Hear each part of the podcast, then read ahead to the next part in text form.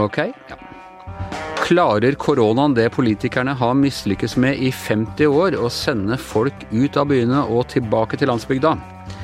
Og i morgen skal Riksdagen stemme over om Stefan Levøen skal gjeninnsettes som statsminister. Meet the new boss, same as the old boss. Dette er Everøy Gjengen, og det er tirsdag den 6. juni.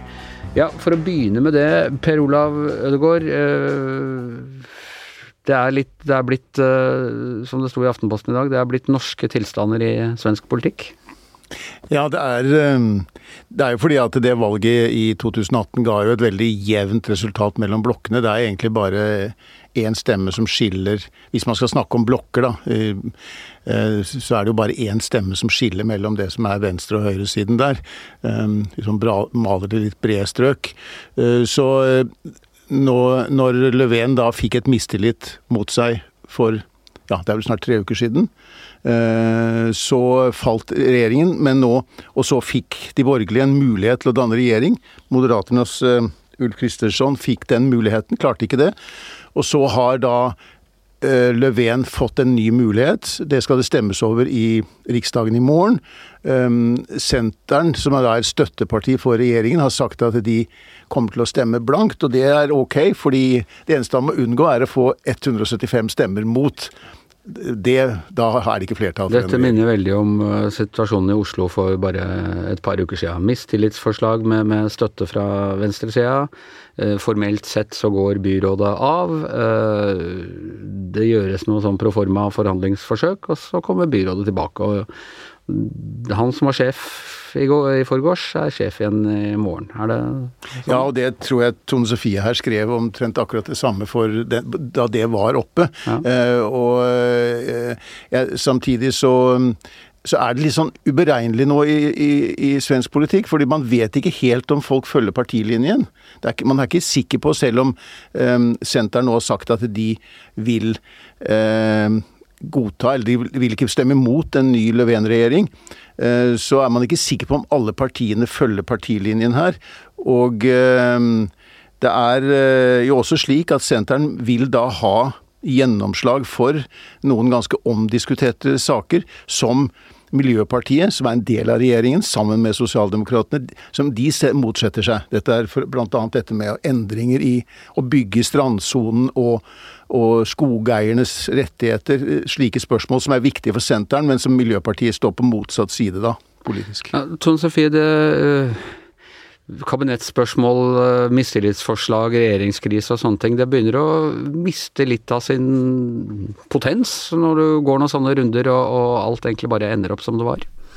Ja, men til forskjell fra Oslo, da, hvor eh, Raymond Johansen etter noen litt strevsomme dager med forretningsministerium eh, er tilbake og har nok eh, Oslo-politikken i sin hule hånd, så har jo ikke Stefan Löfven det. Det er en veldig annen politisk situasjon. og jeg vil vel mene at han er enda mer svekka med den nye regjeringa si, for i den, den forrige regjeringa så hadde han tross alt um, Senteren og Liberalerne som et slags støtteparti. Nå har han i hvert fall mista Senteren som støtteparti. De går i opposisjon, så han vil jo slite kraftig når han skal få gjennom et budsjett uh, f.eks., men jeg tror nok at det de gjør nå, er å For å unngå både et nyvalg ett år før det ordinære valget, så er det litt sånn å Eh, prøve å holde det her byggverket sammen på et eller annet vis fram til det ordinære valget. Og jeg tror nok også for de borgerlige i Sverige, de, de kvier seg nok for å bidra til det. For eh, de ser jo at det kan være en mulighet for en eh, valgseier om, om ett år, da. Ja, er det det dette egentlig har vært? En slags generalprøve for en ny, ny konstellasjon, ny regjeringskonstellasjon etter valget neste år? Altså, eh, Moderaternes leder, Høyrepartiets leder Kristersson, eh, han kunne jo forsøkt å, å, å, å klare å danne regjering nå, eh, men han var ikke sikker på å få støtte fra mer enn 170, noenlunde sikker på å få støtte fra mer enn 174. Da trengte han minst én representant til for å få støtte for en sånn regjering. Det virker ikke som de hadde veldig stor lyst på å ta makten nå heller. Det var ikke det inntrykket du satt igjen med etter at de prøvde bare ett og et halvt døgn for å få på plass en blå regjering. Og, og, det handler selvfølgelig om eh, Du har ikke lyst til å overta makta ett år før et valg og eventuelt spolere mulighetene, men det er jo ikke sånn at det er eh, bare velstanden på den borgerlige sida i Sverige heller. De har jo jobba lenge med å tilnærme seg eh, Sverigedemokraterna på et vis, eh, og på meningsmålingene nå ser vi jo at dem er jo de som har eh, kommet styrka ut av eh, det her kaoset, så, så det, er, det er veldig krevende og også Det er veldig vanskelig å sammenligne norsk og svensk politikk, for partiene er så ulike.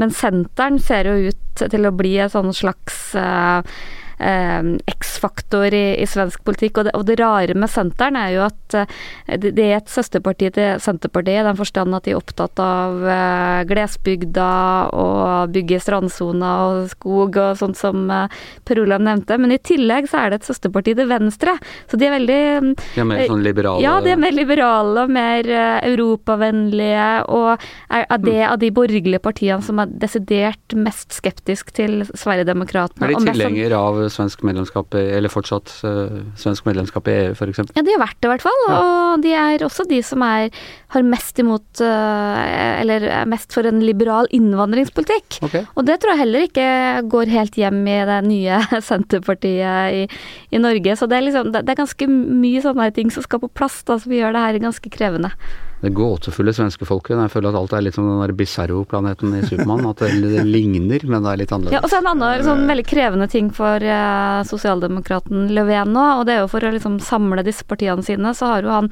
eh, gjort litt sånn det motsatte av det som Mette Fredriksen og sånn har hatt suksess med. Han har gått veldig til høyre i den økonomiske politikken eh, for å samarbeide med bl.a. Senteren, da, og lagt seg mer ut med fagforeninger. Det var det som skjedde med den husleiereguleringa, men for å samarbeide med Miljøpartiet så har han blitt mer liberal i innvandringspolitikken. Så det, det, det er ganske sånn eh, krevende balanseganger, det her. Selv om selv om det er åpenbare forskjell på norsk og svensk politikk, da, og selv om de svenske partiene ikke er like de søsterpartiene i Norge, så er det likevel noen fellestrekk. da, for Hvis, hvis jeg bare så på disse siste meningsmålingene, eller gjennomsnittet av det, og Sosialdemokratene i Sverige ligger på omtrent 25 det er omtrent som det norske Arbeiderpartiet. Moderaterne, eh, Høyrepartiet, eh, ligger på 22% omtrent som Høyre her. Uh, og Venstrepartiet er 10 det er omtrent som S, litt bedre enn SV, kanskje. Eh, Men det er jo litt rødt da. Ja, det, ja nettopp. Og tar kanskje opp i seg litt av det. Eh, Miljøpartiet er nede på under 4% 3,3 eller noe sånt. Det er ikke omtrent som ja, i Norge. Men det, den store forskjellen mellom Norge og Sverige er jo at um, Sverigedemokraterna, som ikke er det samme som Frp, men som tross alt er et parti som ligger til høyre for Eh, for Moderaterne, da, de har jo 20 mm. Eh, og, eh, og Senteren har da 10% mens Har vel noe å gjøre med at de ikke har sittet i regjering i ja. halvannen periode? Så, men Senterpartiet ville omtrent vært, hatt den posisjonen i Norge, da, ja. hvis du sammenligner. Men, men, det som er, er jo at, og det er kanskje det som er litt av grunnen til at ikke de borgerlige er så ivrige til å ta over, at det, det, er en ganske god mulighet for at de kan danne en regjering etter neste valg, hvis disse eh, meningsmålingene holder seg frem til det. Og i hvert fall hvis Moderaterne og Kristdemokratene er villige til å gå i regjering, eller med, i hvert fall med støtte da fra Sverigedemokraterna. Og det er, det er jo en usikkerhetsmoment, det også. Og En annen likhet er at både søsterpartiet til Venstre og KrF eh, ligger også tydelig under sperregrensa i Sverige nå. Så. Nettopp, nettopp. Og Sosialdemokratene gjør ikke Altså, de ser ut til å De har tapt oppslutning siden sist. Eh, og, og, men når senteren da tross alt ligger på ok, de er ikke så store som her i, Norge, men det er fortsatt eh, et betydelig parti eh, i Sverige. Da. Det er jo interessant at det er en uh, gjelder både i Norge og Sverige. Absolutt. Og i hvert fall har jeg lest det i svenske aviser at uh, svenske senteren er veldig nysgjerrig på den norske suksessen, og, og ikke minst med å ha blitt et rød-grønt parti. Da. For senteren har jo vært tradisjonelt borgerlig, men nå er det jo det av de borgerlige partiene som er mest over på den uh, rød-grønne sida, om de kaller det det i Sverige? Ja, de gjør, ja, men i alle fall så Senteren har også vært veldig tydelig på det at de det er hvert fall, De er veldig tydelige på at de vil ikke samarbeide med Sverigedemokraterna, og, og de vil ikke samarbeide med Venstrepartiet. Eh, så de har liksom klart å de markerer seg som en sånn moderat sentrum da, i svensk Senter, politikk. Altså, øh, Senterpartiet i Norge har jo valgt side i forhold til at de ikke vil jobbe med Frp, selv om de stjeler en god del velgere derfra. Uh, og de er vil altså, Rødt, Rødt snakker de vel ikke om engang, men, men i hvert fall ikke samarbeide med SV. Nei da, det er, det er likheter òg. Ja. Det er, det er, som å være på den andre siden av speilet det, å, å, dra over til Sverige. Nå kan vi jo gjøre det også med, med utreise den liberale utreisepolitikken vi har fått i, fått i Norge de siste ukene. Uh, men altså, dermed blir det Löfven. Han må hangle seg gjennom et år til. Uh. Ja, det, vi får se, da. Jeg tror ingenting er sikkert. Jeg, jeg bare prøvd å lese meg opp på svenske aviser i dag morges, og, og det, er, det, er, ikke De som følger det tettere på nært hold der, er jo heller ikke sikre på at dette går. Men det, det ligger jo an til å bli sånn, kanskje fordi at Men det er vel i alles interesse at det er noenlunde stabilt nå fram Ja, men det er som Tone Sofie også sier, at det skal legges fram et budsjett i høst. Sentrene har sagt at de vil legge fram sitt eget budsjett. Og hvis, det, hvis, det ikke, hvis de kan få flertall da, så faller jo regjeringen en gang til. Og så, vi, og så blir det fullstendig kaos inn, sånn i november-desember. Ja, så blir det fullstendig kaos en uke eller to, og så kommer Stefan Löfven tilbake og blir statsminister. sånn vi gjør det. Det er den nordiske modellen. Hver eneste dag nå så er eh, avisene, eller det vil si Aftenposten og Dagens Næringsliv, eh, fulle av historier om eh, familier som eh, velger å selge trerommeren i Oslo for en dullion kroner og flytter ut på og kjøper seg svær bolig utenfor Oslo og og øh, er kjempelykkelig med det. Det harde livet i byen. Lever det gode liv. De lever det gode liv. Dem om det, men Lar du deg inspirere? Uh, ikke veldig, ikke veldig, nei. Eh, jeg vokst opp utenfor Oslo, så jeg vet åssen det er. Men eh, er dette en sterk nok trend til at den liksom påvirker Dette er jo litt som følge av korona, liksom. Folk har sittet inne i trange leiligheter og, og ønsker seg mer rom og luft. Er, er dette nok til at det liksom påvirker boligmarkedet? Ja, Det er jo det man er veldig spent på, da. Tallene i fjor viste i hvert fall at det var en sånn type rekordutflytting eh, fra Oslo. Og når forskere, til og med min nabo faktisk, har sett på demografien til de som flytter, så det, har vært to typer folk som har flytta. Det er denne hjemmekontorgruppa, folk som har den type jobber som lett kan gjøres fra hjemmekontor, og så har det vært ansatte i uteliv og serveringsbransje. Og det siste har jo vært naturlig når, når Oslo har vært nedstengt og man tenker at de vil komme tilbake. Men det man er mer spent på, er jo om hjemmekontorsituasjonen og mer fleksibelt arbeidsliv gjør at, at folk tenker annerledes, at nærhet til kontoret ikke er så viktig, og at man kanskje ikke blir så redd for fulle tog og baner og busser som har gjort at folk før har kvia seg for å bo et stykke unna jobben. At man blir mindre redd for det nå etter hele smittesituasjonen? Ja, fordi eh, hvis du kan velge å være på kontoret to-tre dager i uka og være hjemme, så, så, tror jeg mange tenker at det gir en helt annen fleksibilitet eh, i livet. At du ikke må eh, reise hver eneste morgen, og at du har mer tid til familie. Og så tror jeg nok at det, ja, jeg bruker å si det året her, men det har jo vært halvannet år, så er det mange som har kjent på det at det kan være trangt i byen, og det, det, det som har vært viktig for mange, i hvert fall, er nærhet til naturen.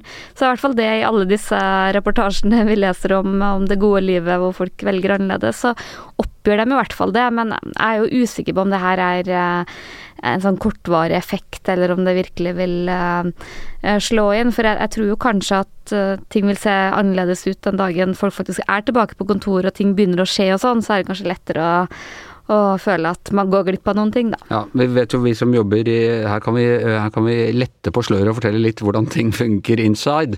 Man, man, får en sånn idé, og så finner man en case eller to, og så presenterer man det ganske lett som en, en trend i avisen. Det er ikke sikkert at det, at det, er helt avgjørende, men la oss si at, det er, at dette blir en trend.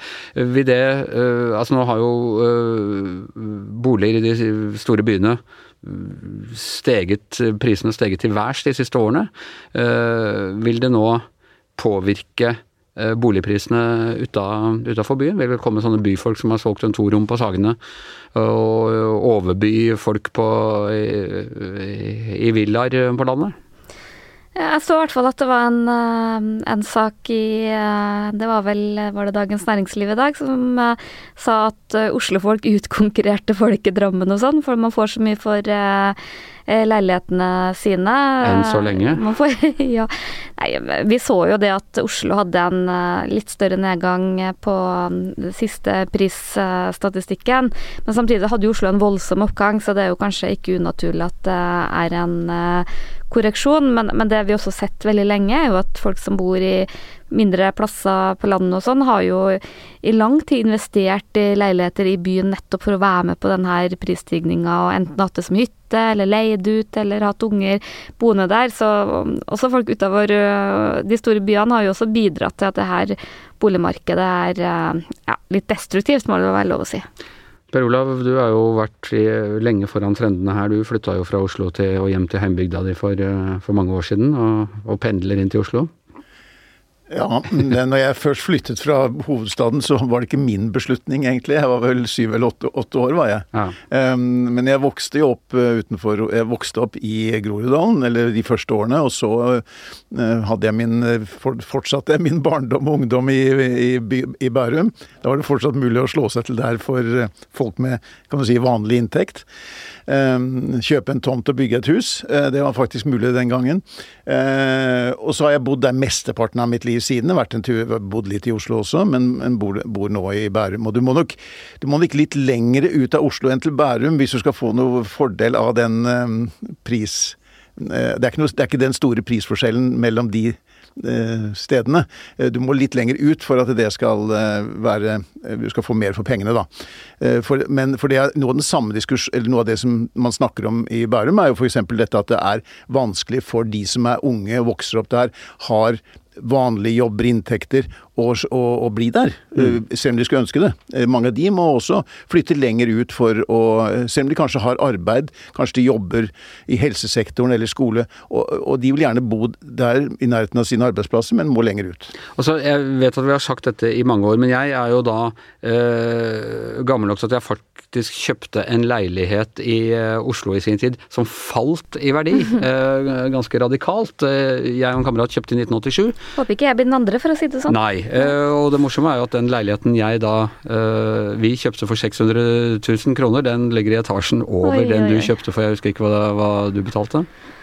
Ja, det har jeg fortrengt. Ja, men det var i hvert fall ganske mye mer, og vi fikk altså ikke solgt den for halve prisen engang. Så jeg har liksom bare gått og venta på at det der boligmarkedet på et eller annet tidspunkt må falle. Det er jo helt uh, ko-ko priser der nå. Men en av de tingene som i hvert fall har bidratt til at prisene har gått så mye opp som de har, en ting er knapphet på det, altså at det, det er stor etterspørsel og relativt eh, begrenset tilbud. Men det andre er jo selvfølgelig at rentene har vært veldig lave eh, svært lenge nå. Mm. Eh, folk kan på den liksom tiden var renta på 17 og sånn. Nettopp, ikke sant. Og nå, nå, er det liksom nærmest Du betaler 1,5% eller 2 mm. i rente på boliglånet. Og nå, nå, synker du inn at den renten skal opp. Alle vet at renta kommer til å bli satt opp kanskje i september, eller i hvert fall i løpet av høsten. Og, og da kanskje den gradvis vil eller sannsynligvis så vil den øke gradvis utover. Ikke noe radikalt antagelig, men altså tross alt. Det, det gjør fort en del på boliglånet, det. Og det kan jo også føre, gjøre at det er en liten korreksjon nå, men jeg tror, jeg tror det er mer snakk om en korreksjon. Jeg tror alltid det vil være attraktivt å, å bo i byen. Men det er ikke så vanskelig å forestille seg Tone Sofie, sånn fremtidsscenario med nettopp det, som du sier. Altså at vi nå digital kommunikasjon, øh, øh, alle sånne muligheter vil gjøre at øh, flere folk ønsker å liksom ha bedre plass, bedre turmuligheter, alt, alt dette her. Og så kan man heller reise inn til byene og, oppleve liksom det uh, urbane livet der. Men hvordan tror du det i så fall vil gå med byene? Vil man da, eh, altså på den tiden jeg snakket om, da vi, da vi tapte tapt så mye penger på, på boligmarkedet der. Det, naboleiligheten min. På naboleiligheten din, ja. Men da var det jo helt andre tilstander på, på Grønland Tøyen. Det, det, var jo stor sosial nød, det var svære trafikkproblemer og det dårlig bygningsmasse og, og i det hele tatt. Nei, jeg tror Jeg er ikke så bekymra for eh, byene. Jeg, jeg syns jo det er veldig interessant om det her gjør at folk kan ta med seg jobben og, og flytte større deler av landet. Jeg ser jo nå regjeringa var jo ute nylig og, og lova at, eh, at statlige jobber skulle være eh, mye mer fleksible enn de har vært i dag. Det er jo ikke lenge siden vi i VG måtte bo i Oslo for å få jobbe her. Nei. Jeg tror det vil eh, endre seg, men jeg, jeg tror likevel Dessverre kan du kanskje si at at byene har såpass stor tiltrekningskraft på folk at man vil komme tilbake, så tror jeg nok at i hvert fall det vi har sett foreløpig av forskning, hvert fall. Det er, jo ikke, det er jo kort tid. Men det er ikke sånn at folk flytter til den ytterste nøgne ø og tar med seg jobben. De flytter til Viken. Ja. så Viken har liksom fått litt sånn mer sånn randsoner og, og sånn til byen. Så jeg tror kanskje først og fremst det, da. Så tror jeg at Nå har vi liksom hatt ett og et halvt år hvor alt har vært digitalt, og det er liksom Du har ikke vært noe å være i byen etter, men jeg tror jo kanskje at det også vil endre seg når det blir en normalitet, da. Hva tror du, Per Olav? Ja, jeg tror at jeg tror at vi, vi, vil nok se en utvikling av disse områdene rundt byen. Jeg tror nok ganske, Det er en del som flytter ut av byen av ulike årsaker. Ikke kun av økonomi heller, men altså hvis de eh, Når de får barn, så trenger de større plass. De begynner å tenke på litt andre ting. Det er andre ting som blir viktigere enn kanskje det å bo eh, i et veldig eh, trendy og, og, og, morsomt sted når man er ung, og så blir det litt annerledes når du blir mer voksen og, blir, og får barn osv så betyr det mer. Jeg tror en del av disse her eh, stedene som ligger nær kommunikasjons hvor det er gode kommunikasjoner til eh, Oslo, vil tjene på det. Og det er, disse, det er egentlig disse nabokommunene i Viken. Og så vil prisene da eh, synke jo lenger ut du kommer fra den radiusen der. Eh, jeg tror det er rom for Men det blir nok en vekst i hovedstadsregionen. Det tror jeg det fortsatt kommer til å være, sånn som det har vært en god stund nå. Det, det blir spennende å se nå. altså vi, eh, tenker vi den Koronaen det har jo vært så altoppslukende og virka så radikalt, og vi leter etter alle mulige ting det kan forandre på. Sånt. Det blir veldig spennende å sitte her om fem år og se om betydde den koronaen egentlig noe som helst, eller var den bare et lite, eh, en liten fartsdump i, i den økonomiske utviklingen? Ok, eh, vi finner i hvert fall ikke ut i dag, for uh, Giæver og gjengen er over for denne gangen. Her i studio eh, Per Olav Ødegaard, Tone Sofie Aglen, jeg heter Anders Giæver, og vår uh, vaktsjef, produsent og tekniker denne uka er Christian Kroglund. Vi høres igjen i morgen.